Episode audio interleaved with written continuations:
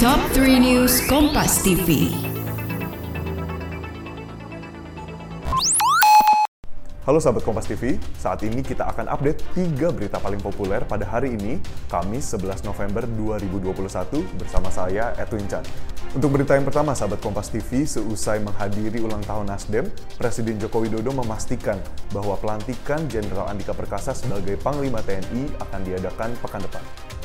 Presiden Jokowi menyebut masih mencari hari baik untuk melantik Jenderal Andika Perkasa sebagai Panglima TNI pada minggu depan.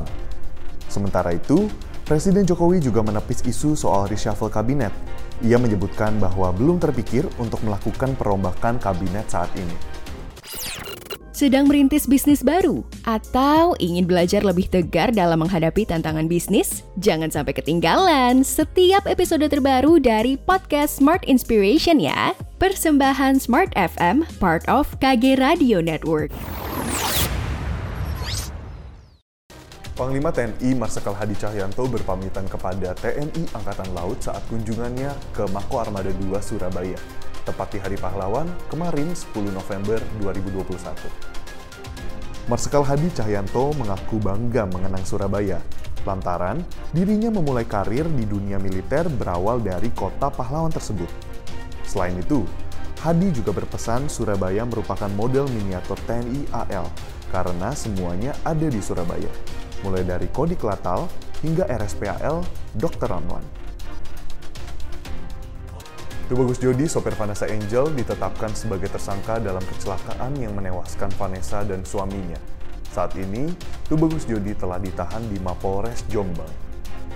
Sopir Vanessa Angel Tubagus Jodi resmi ditetapkan menjadi tersangka dalam kecelakaan maut di jalan tol Jombang Mojokerto yang terjadi pada pekan lalu. Kecelakaan tunggal itu menewaskan selebritas Vanessa Angel dan suaminya Febri Andriansyah.